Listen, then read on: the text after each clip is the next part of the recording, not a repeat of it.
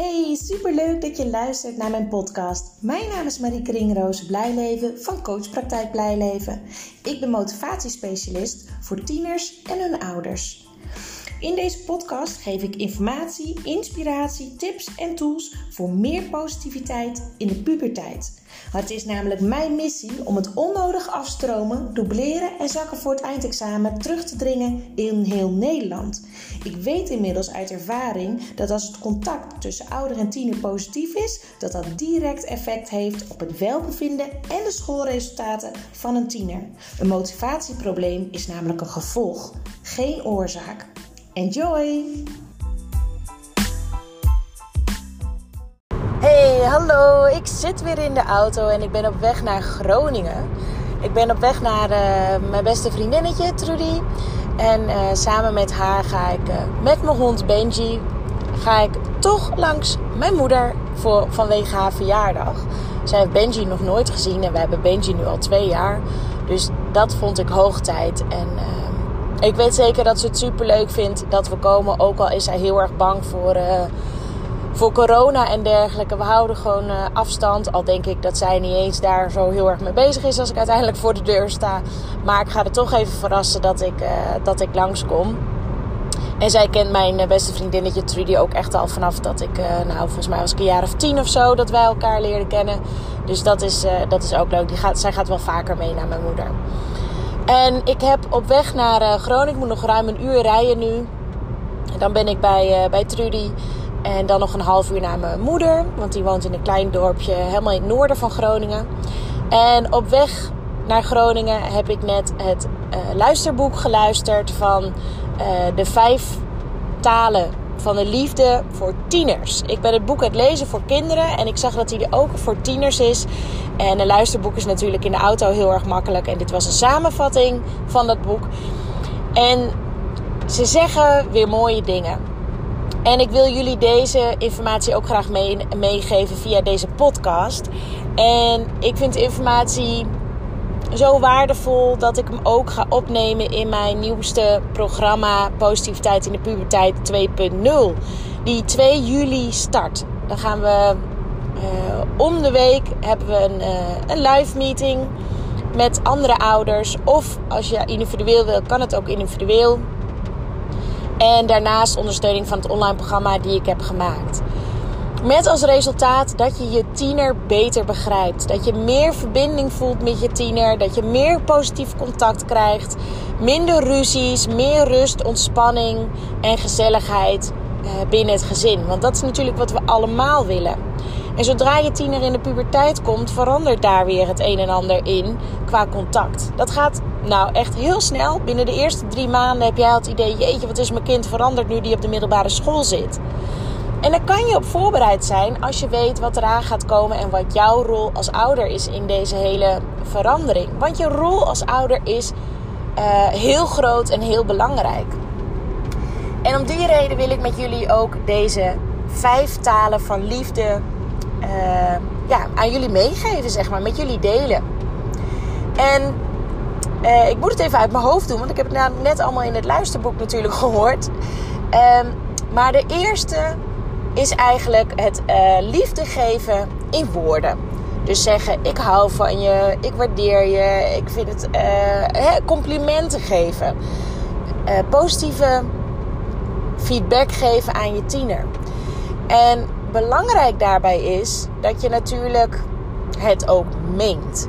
En dat je ook goed nadenkt op welk moment je het zegt en wie erbij zijn. Want als jouw tiener met allemaal vrienden en vriendinnen is en jij gaat zeggen: Oh schat, ik hou van je. Dat zullen ze niet echt heel erg waarderen. Dus kies ook de juiste complimenten op het juiste moment. En zeg alleen de dingen die je ook echt meent. Want dat voelen ze. Als jij een compliment geeft en je meent het niet, dan prikken ze daar zo doorheen. Daar zijn ze echt sterren in.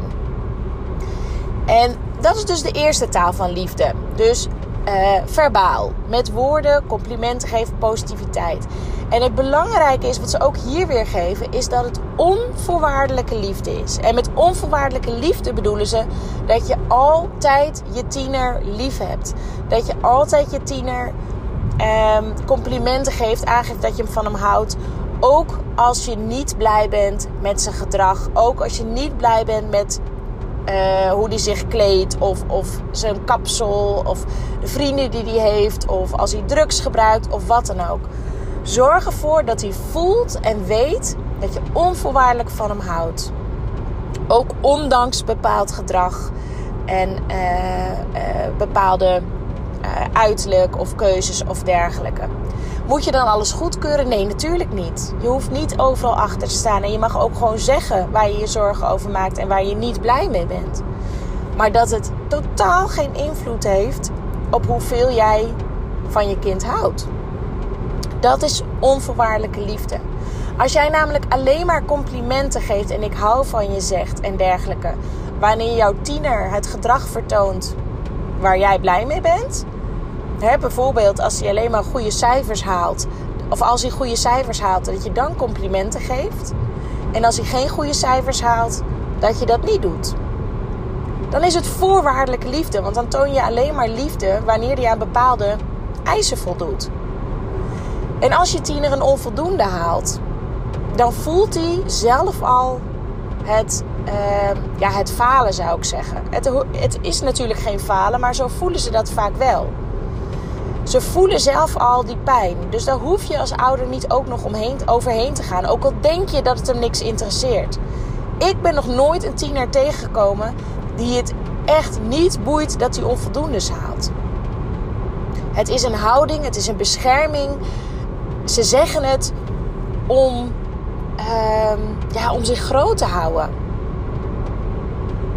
En als het ze echt niks meer doet, dan is dat ook een beschermmuur geworden. Omdat ze gewoon het niet voor elkaar krijgen, bijvoorbeeld om voldoendes te scoren. Of niet meer weten wat ze ervoor moeten doen.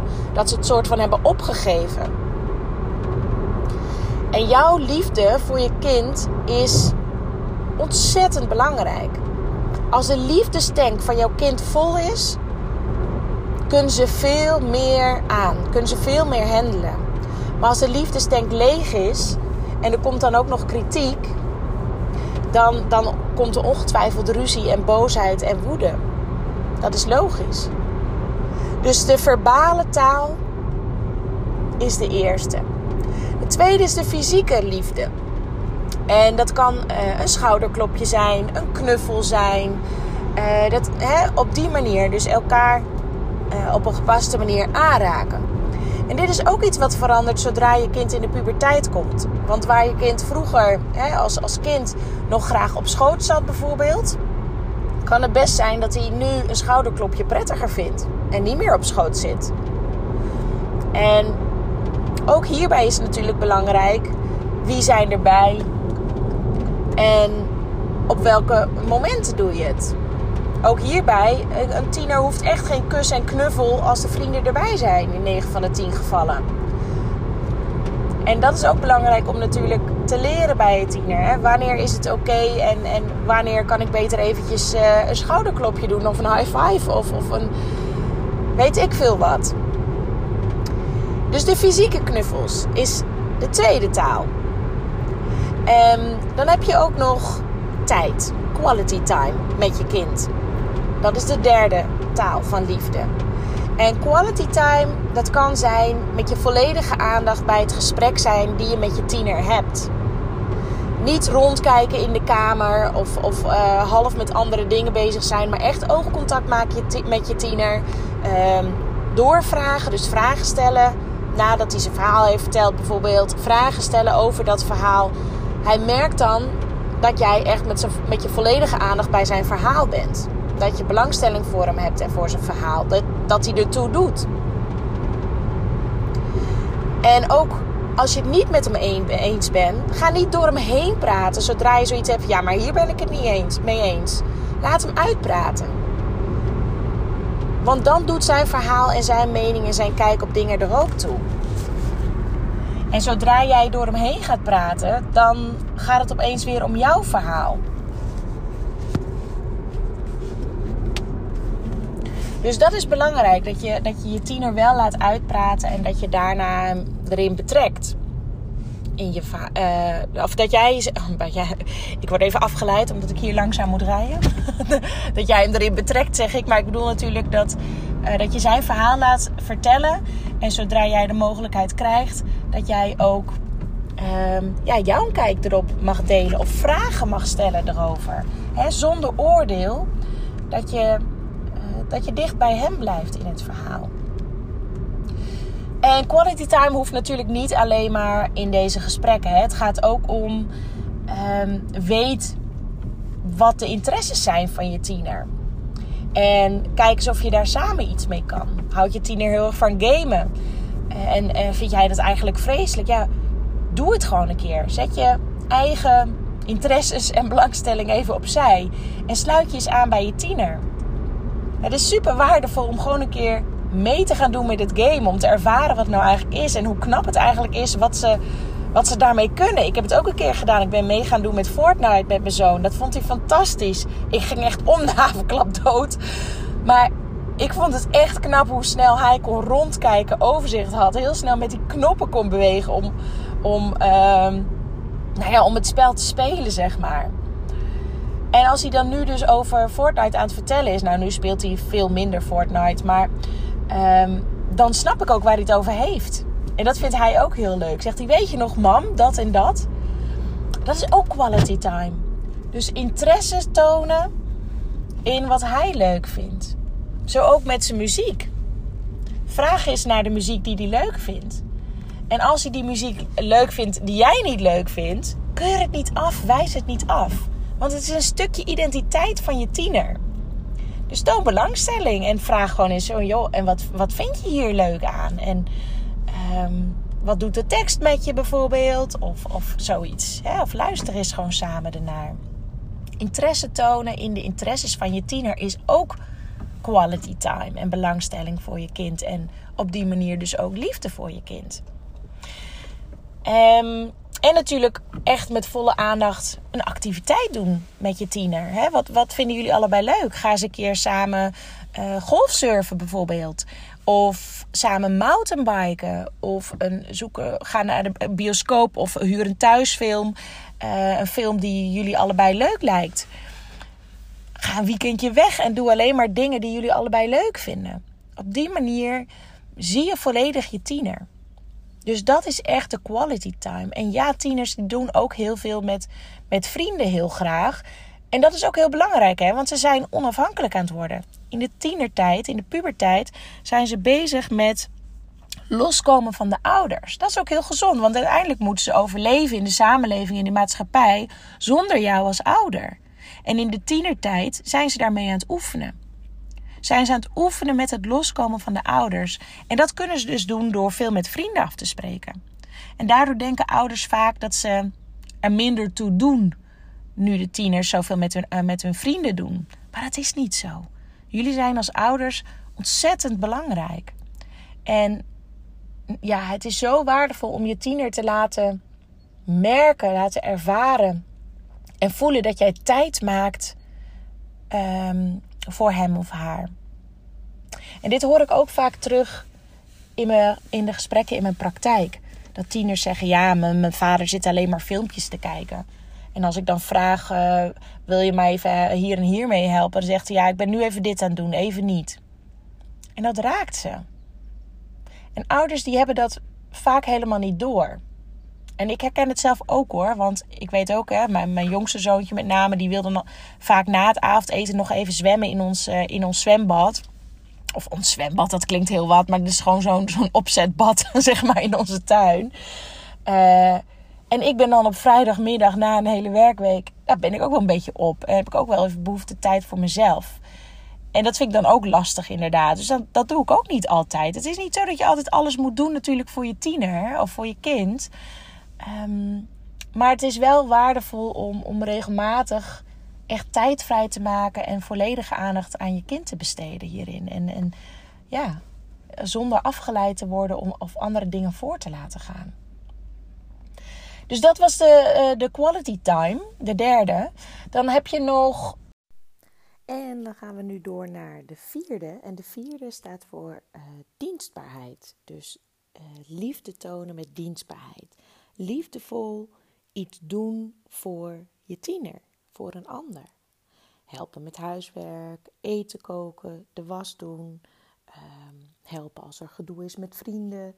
Uh, dus liefdevolle dienstbaarheid is altijd vrijwillig. Het is nooit onder dwang of iets doen om iets terug te verwachten. Dus ehm, ja, het is, het is natuurlijk heel belangrijk dat jij als ouder dienstbaar bent voor je kinderen, voor je tiener, rondom de stukken die ze zelf nog niet kunnen, bijvoorbeeld. En het is ook je taak als ouder om ze te begeleiden bij het uiteindelijk leren om het wel te kunnen. Denk bijvoorbeeld aan het tafeldekken, de vaatwasser inruimen, uitruimen, uh, misschien zelfs de was doen. Dus het is, dienstbaarheid is eigenlijk liefde tonen door er voor je tiener te zijn, um, hem, uh, hem of haar te helpen met bepaalde dingen, puur vanuit liefde. En dat verschil voelen ze ook. Of je het doet omdat het je taak is als ouder, hè, of om, uh, omdat je van hem houdt en hem uh, met liefde dat voor hem doet. Dus als jij zegt van, weet je, ik breng jou naar de trein als jij nu je kamer opruimt, dan spreek je eigenlijk niet van dienstbaarheid. Want dan doe je het eigenlijk, is het eigenlijk een soort ja, eigenlijk manipulatie of, of voorwaarden stellen. En dienstbaarheid is puur vanuit liefde handelen en helpen. En het is dus ook heel mooi om je tiener steeds meer verantwoordelijk te maken, steeds meer zelfstandig te maken rondom de dienstbaarheid. Dus hè, wat ik net zei, leren steeds meer ook zelf te doen, omdat je hem daarmee helpt onafhankelijk te worden. En eigenlijk in alle talen van de liefde bij de, van de tieners is het de bedoeling uiteindelijk natuurlijk dat je tiener uh, onafhankelijk wordt en zijn eigen identiteit ontwikkelt. Tenminste, dat is niet per se het doel van de liefde geven, maar dat is wel waar de tiener mee bezig is uh, zodra hij in de puberteit komt. Het onafhankelijk worden, het loskomen van ouders en uh, ja, echt een eigen persoon worden, zijn, hè? de identiteit uh, vinden. Dus dat is de liefde van de dienstbaarheid. Um, en de laatste, nummer vijf, is uh, een cadeau. Of cadeaus geven. En dan gaat het niet zozeer om het cadeau op materialistisch uh, vlak, zeg maar. Maar het cadeau mag je dan zien als uiting van onvoorwaardelijke liefde, zonder iets terug te verwachten. Dus het doel van de cadeautjes is het uiten van liefde. Nou, je kan jezelf ook voorstellen dat uh, iemand die uh, met heel veel liefde en aandacht uh, een cadeautje voor jou heeft uitgezocht of iets heeft samengesteld voor jou wat helemaal bij jou past en volgens jouw interesses is. En je ziet dat er met veel liefde en aandacht is ingepakt. Dan toont diegene door het geven van het cadeau en op de manier waarop die gegeven wordt, hè, hoe het is ingepakt en, en gepresenteerd wordt, laten jou zien: ik geef om jou. En dan voel jij, ik doe er toe. Ik ben belangrijk voor diegene. En hij vindt het de moeite waard om uh, tijd en aandacht te besteden aan het ja, uitzoeken en inpakken en geven van een cadeau. Daar gaat het dus eigenlijk om. Dus het gaat helemaal niet om de grootte of hoe duur een cadeau is of, of dat soort dingen. Maar het gaat echt om het signaal, de boodschap van um, ja, dat je het de moeite waard bent om iets leuks uit te zoeken en met liefde in te pakken. Dus het doel van uiten van liefde. Dus hoe meer zorg iemand heeft gegeven aan een uh, cadeau uh, ingepakt, hoe het ingepakt is, uh, hoe meer geliefd een tiener zich voelt. En je wilt natuurlijk ook als je zo'n liefdevol cadeau geeft, dat de, de ander het in het diepste van zich voelt dat je om hem of haar geeft. En dat is een hele andere manier van cadeaus geven dan even snel iets halen omdat iemand jarig is, bijvoorbeeld. Hè? Gewoon omdat het zo hoort of wat dan ook. Dus de taal van de liefde met cadeaus geven gaat echt om de betekenis achter het cadeau eigenlijk. Dus dan hebben we nu de vijf talen van liefde voor, uh, voor tieners gehad. Uh, de eerste uh, liefde in woorden. dus als een tiener heel erg geraakt wordt door negatieve woorden die, die dus heel erg binnenkomen, dan wijst dat, wijst dat er heel vaak op dat uh, deze tiener als eerste liefdestaal uh, lieve woorden heeft. Dus het, het verbale. Ze zeggen dat ik van je, van, ze zeggen dat, uh, dat ze van me houden.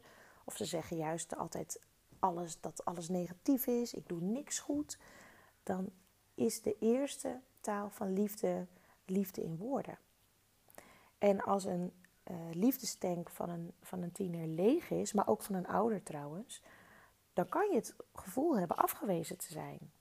Afgewezen te worden. En als er dan een meningsverschil komt, dan is er veel sneller ruzie in het huis. Omdat de liefdestank al leeg is. Een gevulde liefdestank, die, die zorgt ervoor dat je dat je, je geliefd voelt uh, door belangrijke mensen om je heen. En dat kleurt het leven natuurlijk veel zonniger. Dus als er dan een, meningsverschil is, dan kan je het veel sneller en makkelijker op een positieve manier bespreken. Dus dat is de liefde in uh, woorden. En, en besef ook altijd, door liefde krijg je vrede, niet door haat.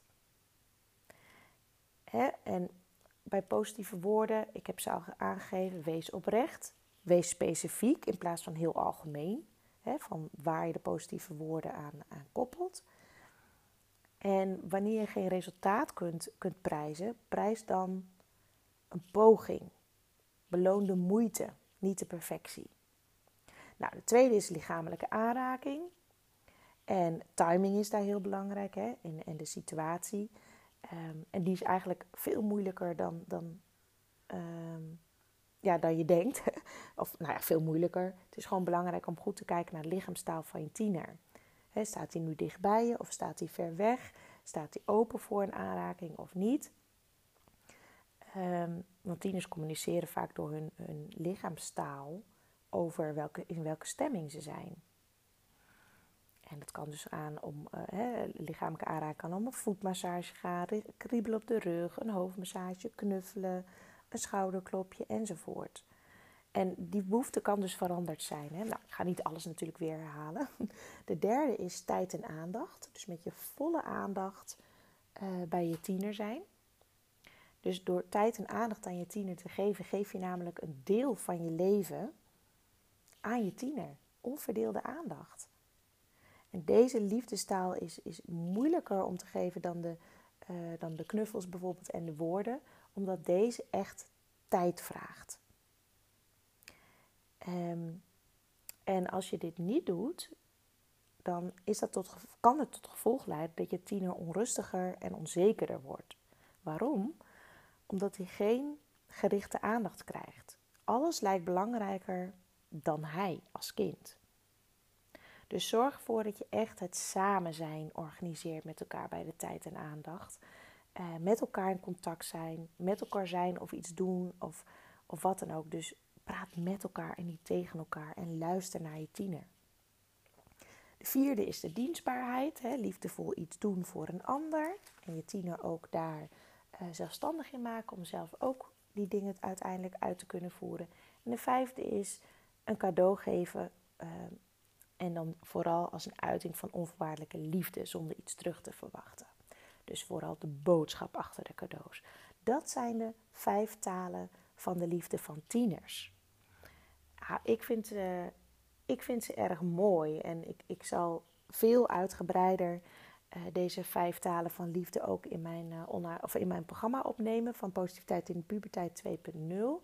Ik gaf in het begin van deze podcast aan dat 2 juli de lancering is, maar die stel ik ietsjes uit. Uh, want uh, er zitten toch nog wat haken en ogen aan de hele organisatie, ook uh, rondom de lancering.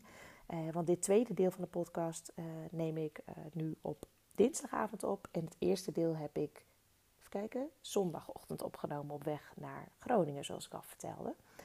dus die lancering laat iets langer op zich wachten maar het gaat er komen. Maar voor nu, de vijf talen van de liefde van de tieners. Ik ben heel benieuwd of jij kan ontdekken wat de primaire taal of de eerste taal van liefde is van jouw tiener. Bij mij, door het lezen van dit boek en het luisteren van, uh, van het luisterboek, besef ik uh, dat het vooral tijd en aandacht is. Dat dat mijn eerste taal van liefde is. Um, en als iemand bijvoorbeeld dan niet op je verjaardag komt of uh, nooit langskomt of iets dergelijks, dan voel je dat, dan kan je dat voelen als afwijzing of niet belangrijk zijn of iets dergelijks. Dus ik vond dat wel een hele mooie om dat, uh, om dat te beseffen door dit boek. En dus ik ben benieuwd of jij ook hebt ontdekt wat jouw eerste taal van liefde is. En of jij het uh, kan achterhalen bij je tiener. Heel veel succes en de volgende podcast komt vrijdag. Tot dan. Doei doei.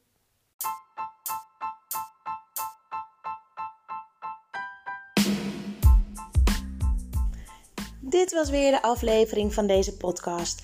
Ik hoop dat je het leuk hebt gevonden, dat je er veel informatie, tips en inspiratie uit hebt kunnen halen. Ik ben ontzettend benieuwd wat jij van deze podcast vond en wat je eruit hebt gehaald. Want ik neem ze op, maar ik wil heel graag weten hoe het is voor jou als luisteraar om dit allemaal te horen. Wil je mij dat laten weten via een persoonlijk berichtje? Dan vind ik dat hartstikke leuk. Wil je andere ouders motiveren, stimuleren?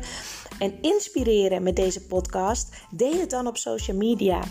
En wil je mij contacten? Dat kan via www.coachpraktijkblijleven.nl. En wie weet spreken we elkaar snel. Fijne dag!